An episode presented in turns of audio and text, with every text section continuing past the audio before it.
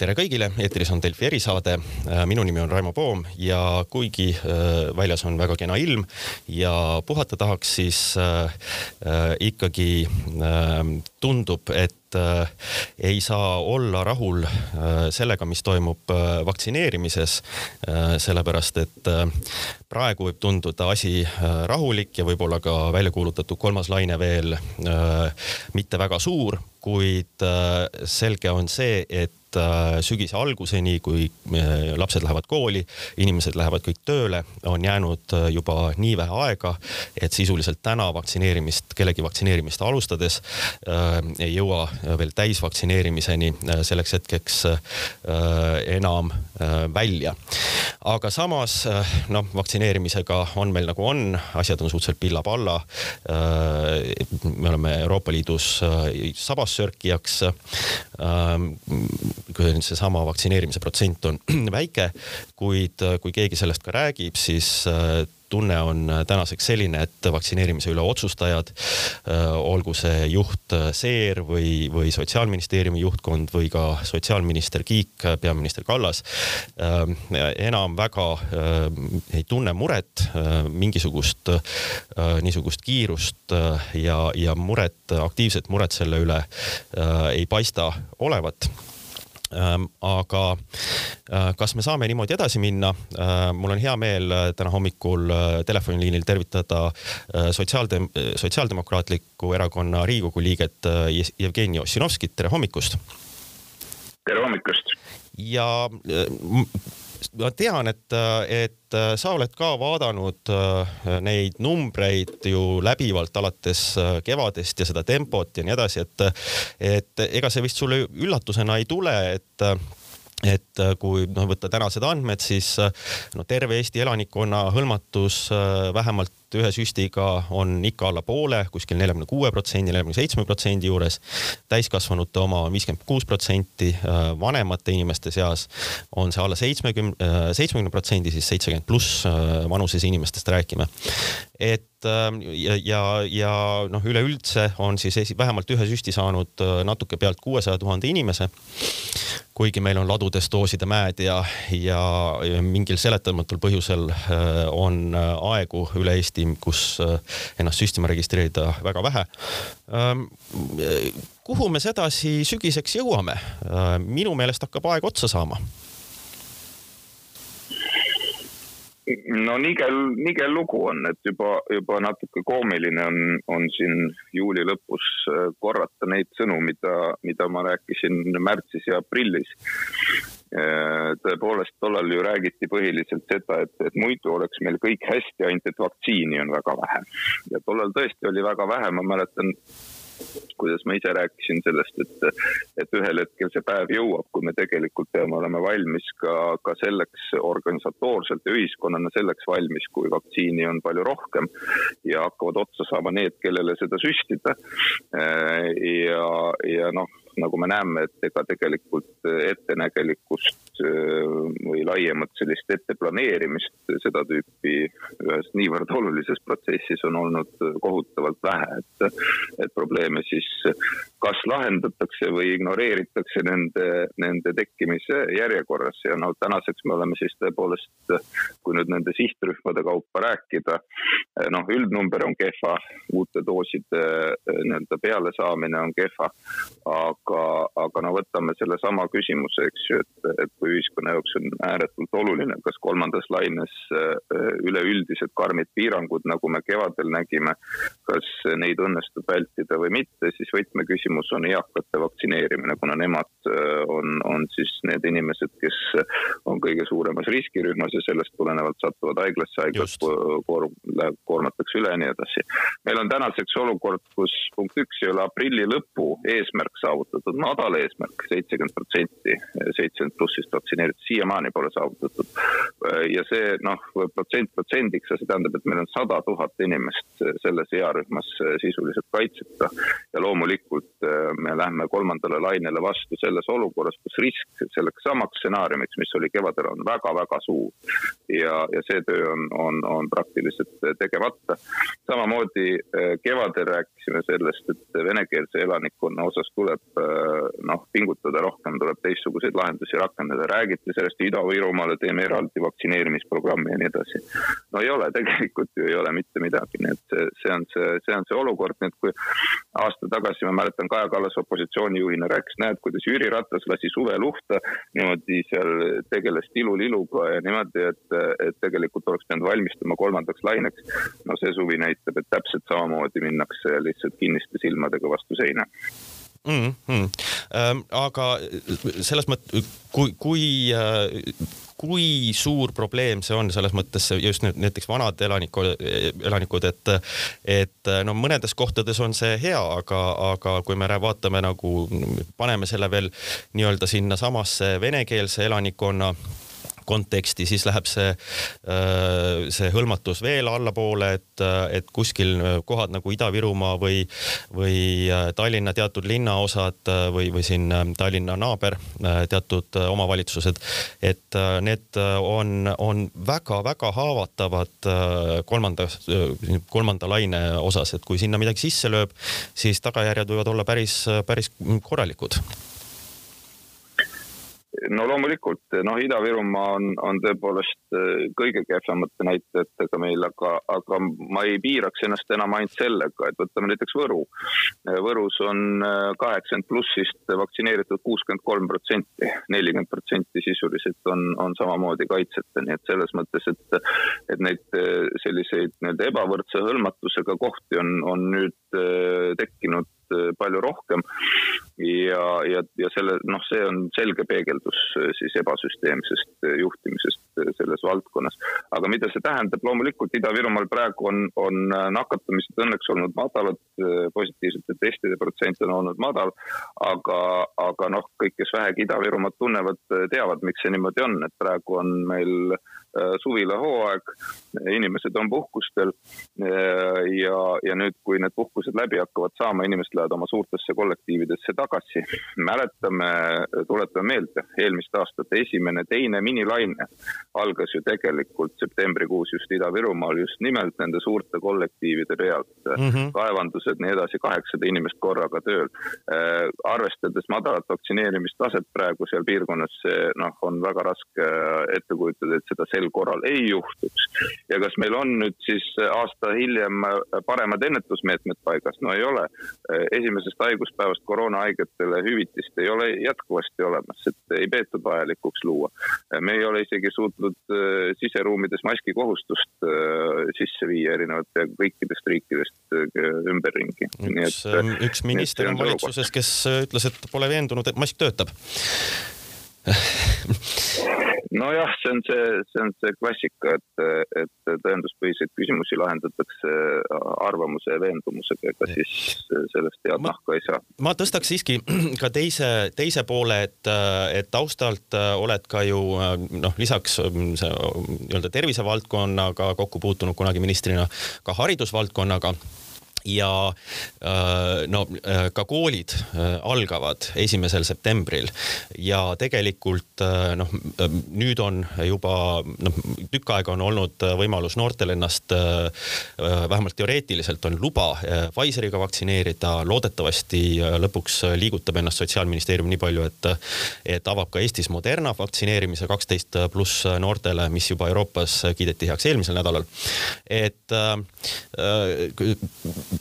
mulle tundub, et, et see noorte ja vaktsineerimine on ka väga oluline siiski, et, et noh, igasuguse koroona leviku äh, suhtes, et, et ka koolides ollakse koos äh, klassides ja nii edasi, me ei saa igal pool äh, veel ümber ehitada kapitaalselt ventilatsioonisüsteeme ja, ja, ja ei saa vältida seda, kindlasti midagi, see võib ka seal hakata levima. et haridusminister pakkus siin, et, et on hea oleks, kui pooled noored oleks vähemalt ühe süsti saanud enne kooliminekut. Ähm, kas sellega, kas, kas, kas sellisel tasemel me võime nii-öelda turvaliselt äh, koolid avada ja loota, et nad äh, jäävad avatuks ja ei teki äh, taaskord neid distantsõppe küsimusi ja, ja siis küsimusi, et kas me peame koolid mingil osas ka sulgema loota loomulikult võib, loota võib igasuguseid asju, aga nagu Angela Merkel hiljuti oma viimasel suurel pressikonverentsil ütles, et loodetavasti on tänaseks ikka kõik aru saanud, mida tähendab, tähendab eksponentsiaalne kasv. vot mulle tundub, et Eesti valitsejatest väga paljud ei ole veel aru saanud, mida tähendab eksponentsiaalne kasv. et kui me täna näeme äh, siin äh, sada nakatumist päevas suurusjärgus ja, ja akadeemik Fischer Fisheri prognoosid näitavad, augusti lõpuks on heal juhul viissada päevas ja halvemal juhul tuhat päevas. et eh, siis sellisel juhul, kas nüüd koolides on esimese süsti saanud kolmandik või pool õpilastest, tegelikult ei mängi suurt eh, rolli enam just nimelt enam, et ka selle protsessiga on ju tegelikult eh, hiljaks paraku jäädud. ja nii-öelda septembrikuus need Äh, nii-öelda sammud, mis nüüd lähimate, lähima paari nädala jooksul vaktsineerimise kontekstis tehakse, kindlasti noh, mingisuguse pisikese kukesammukese paremuse poole annavad. aga, aga suures pildis seda ära enam ei hoia, sellega tuleb arvestada, me peame tegelikult rakendama noh, nii-öelda hoopis teistsugust juhtimisstrateegiat selles kontekstis. aga konkreetsemalt õpilaste vaktsineerimine on üks näide, kus siis äh, on, on korralduslik äh, läbikukkumine järjekordselt ilmselge võtame kaheteist kuni viieteist aastaste siis vaktsineerimisnäitajad. Tartus on kolmkümmend viis protsenti saanud vähemalt ühe süsti. samal ajal Saaremaal on kuus, nagu ka Ida-Virumaal. ja kui Ida-Virumaal võib öelda, noh, et seal vanemad ei taha, siis Saaremaal loomulikult seda öelda ei saa, sest Saaremaal üldiselt on vaktsineerimisnäitajad väga-väga kõrged. ja kui küsida, et kuidas siis nii suur erinevus on tekkinud, siis siin on selgelt regionaalne ebavõrdsus ja tuleneb sellest, et, et paljuski maakohtades on ju vaktsineerimine perearstide õlul ja loomulikult perearstid on, on suvel läinud välja teenitud puhkusele täiesti ennustatavalt ette teada on olnud see, et see niimoodi juhtub. ja tegelikult ei suudetud seda, seda küsimust ära lahendada siis teiste vahendeid, teisi nii-öelda teenusepakkujaid kasutades või noh,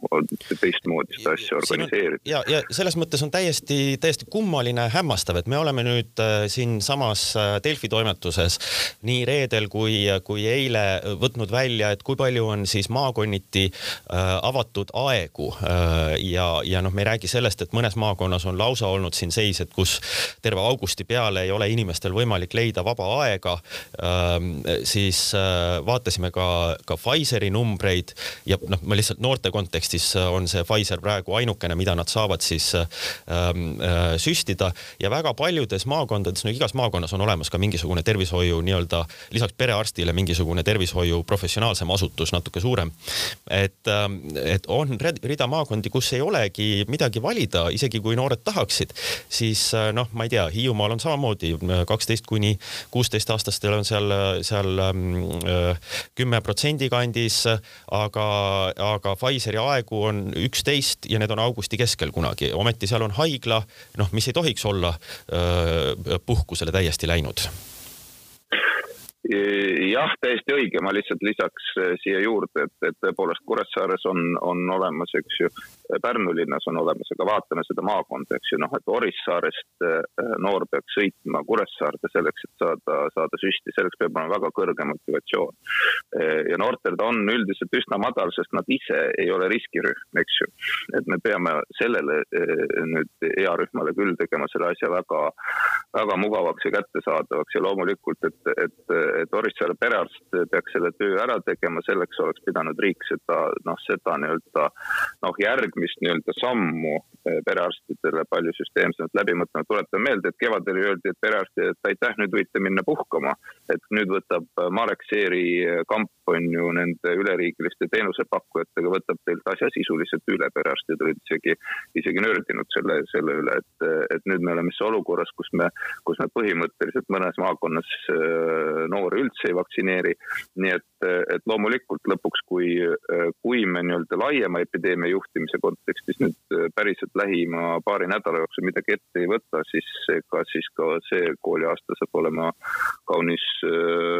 kannatusterohke mm. Um, ma mõtlen selles valguses, et kui me peame arvestama siin Äh, siiski sellega, et, äh, et äh, see kolmas laine, et, et meie vaktsineerimistöö lihtsalt enam ei jõua peatada niisugust võib-olla päris korralikku kolmandat lainet sügisest, et noh, palju räägitakse ju Euroopas ka tegelikult, no ja Euroopa riigid näiteks tihtipeale on juba need otsused langetanud, et no siis ütleme, anda siis vaktsineeritud inimestele teatud äh, privileege, seal on võib-olla kaks asja taga, et üks on see, et võib-olla motiveerida inimesi, kes ei ole vaktsineerinud, ennast vaktsineerima. aga teine on ka see, et noh, et äh, lihtsalt äh, turvalisem on võib-olla lasta vaktsineeritud inimestel koos olla nii-öelda nakkuse leviku mõttes kui, kui vaktsineerimata inimestel et äh, noh, meil ka siin nüüd äh, vist äh, hakkab kehtima väike, räägime ikka sadadest ja, ja tuhandetest selline piirid, kus siis Äh, võidakse eriüritustel küsida vaktsineerimispassi või peaks küsima. Äh, noh, see, see debatt on, on üpris kõva, et kas peaks olema äh, siis vaktsineeritutel või, või kas peaks eelistama või, või tegema mingeid soodustusi vaktsineeritutele. mul on lihtsalt see küsimus, et, et kui me vaatame seda tempot ja, ja edasiminekut, siis noh, siin ei pruugi siin ei pruugi see, need aidata, sest et äh, lihtsalt äh, kuna vaktsineerimine on veel niivõrd madal ja kui see kolmas laine kuskile sisse lööb, siis noh, ei, ei ole pääsu sellest, et siiski piirangud tulevad kõigile tagasi ja ma jagan sinu muret. Noh, minu meelest on, on meie seda praeguse valitsuse debatti selles koroona kontekstis iseloomustanud üldiselt selline noh, katse otsida äh, selliseid mugavaid väljapääsuteid selleks, et, et päris juhtimist vältida. et kevadel siis, kui noh, jaanuarikuus, siis kui oli tegelikult ilmselge kogu teadlaskonnale, et, et, et on, et piirangud on nüüd juba vältimatud tulenevalt sellest, et, et enne seda Kaja Kallas neid leevendas, siis öeldi, et, et räägiti muudkui vaktsineerimist, lahendus on vaktsineerimine, lahendus on vaktsineerimine. no ei olnud tol hetkel enam lahendus vaktsineerimine, et hoopis teisel, teisel ajal on vaja neid, neid otsuseid teha, et meetmed peavad olema nii asja kui ajakohased, nagu ma olen öelnud. et praegu on tegelikult sama lugu, et, et need vaktsineeritute õiguse debatt on iseenesest, seal on noh, palju moraalseid ja selliseid juriidilisi küsimusi, mis on ääretult olulised selles kontekstis, aga täna neil, neil vaidlustel on ausalt öeldes praktiline väärtus hakkab vaikselt kahanema, et tõepoolest üksikutes kohtades äh, me nagu noh, need suuremad üritused, kus, kus võib seda nii-öelda täiendava boonusena, kui on vaktsineeritud inimesed kontrollitud, et siis võib nii-öelda suurem piirarv olla. et sellistes kohtades jah, seda, seda võib ju, võib ju käsitleda eh, ja kasutada, aga tegelikult ju, ju suur pilt on see, et, et tsunami on tulemas ja kui tsunami on tulemas, siis, siis tuleb siiski kogu ühiskond ette valmistada selleks, et lõpuks ka need, kellel on, ütleme, kes on kaldast kaugemal, saavad lõpuks sellega pihta, kui, kui ettevalmistusi pole tehtud, nii et selles mõttes on see, on see äh, arutelu hetkel noh, minu meelest äh, ka see jäänud iseendast selliseks äh, hilja peale, et täna see enam ei, ei päästa suurt mitte kedagi. lisaks sellele on kahtlemata ka siis noh, fundamentaalne küsimus, millele veel lõplikke vastuseid ei ole. teaduslikus plaanis on see, et, et mis siis vaktsiinide efektiivsus delta tüve kontekstis on just leviku pidurdamisel. tõsi, tõsi ja selge on tänaseks, et delta tüve vastu inimest ennast nii-öelda haiglaravi ja raske haiguse eest kaitseb vaktsiin küll peaaegu sama hästi kui teiste tüvede vastu. aga noh, näiteks Iisraeli uuringud, eks ju, näitavad seda esialgset, et, et haiguse edasikandumise mõttes on delta tüvi vaktsineeritute puhul tõhusam, mis tähendab seda, noh, et vaktsiinid on vähem tõhusamad. ehk siis inimene, näiteks vaktsineeritud inimesed tulevad omavahel kokku, peavad pidu, keegi neist raskelt haigeks ei saa, aga nad kõik saavad haiguse külge, siis nad lähevad oma kodudesse, kus igal kolmandal on vaktsineerimata vanainimene ja, ja noh, tulemust me teame ette, eks ju. ja see, noh, selles mõttes see küsimus on kahtlemata ka nii-öelda tuleb jälgida, et kas tegelikult enam ka sisuline põhjendus sellele, selle vaktsineeritute kohtlemisele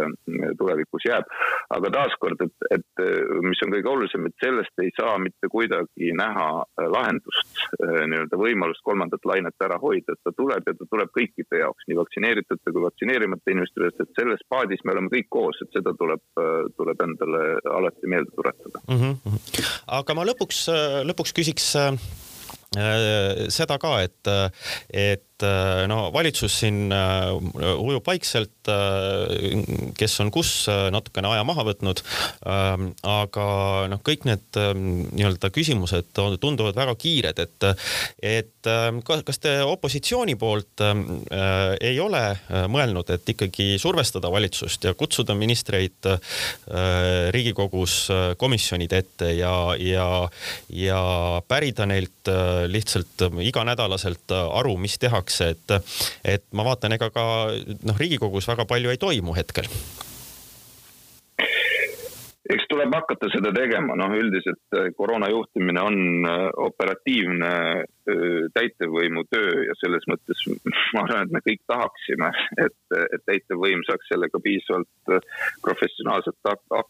kõik tunneksime, et me oleme hästi hoitud, aga paraku seda tunnet ei ole, vaatamata sellest, et me oleme sellesse olukorda jõudnud tänaseks kolmandat korda ja meil tegelikult on kõik nii akadeemilised, teaduslikud kui muud tööriistad olemas selleks, et õigeid otsuseid langetada. aga noh, loomulikult, kui me vaatame praegu, millisel viisil, no ma võtan kõige mäletad, ähm, kevadel meil oli see valge raamat, kes öeldi, et nüüd hakkame ühiskonda juhtima valgusfooriga, eks ju. et siis inimesed ei pea muretsema nende näitajate pärast, et valitsus ütleb, et kui kõrge on risk. Ja ausalt öeldes just selles kontekstis lisaks sellele, et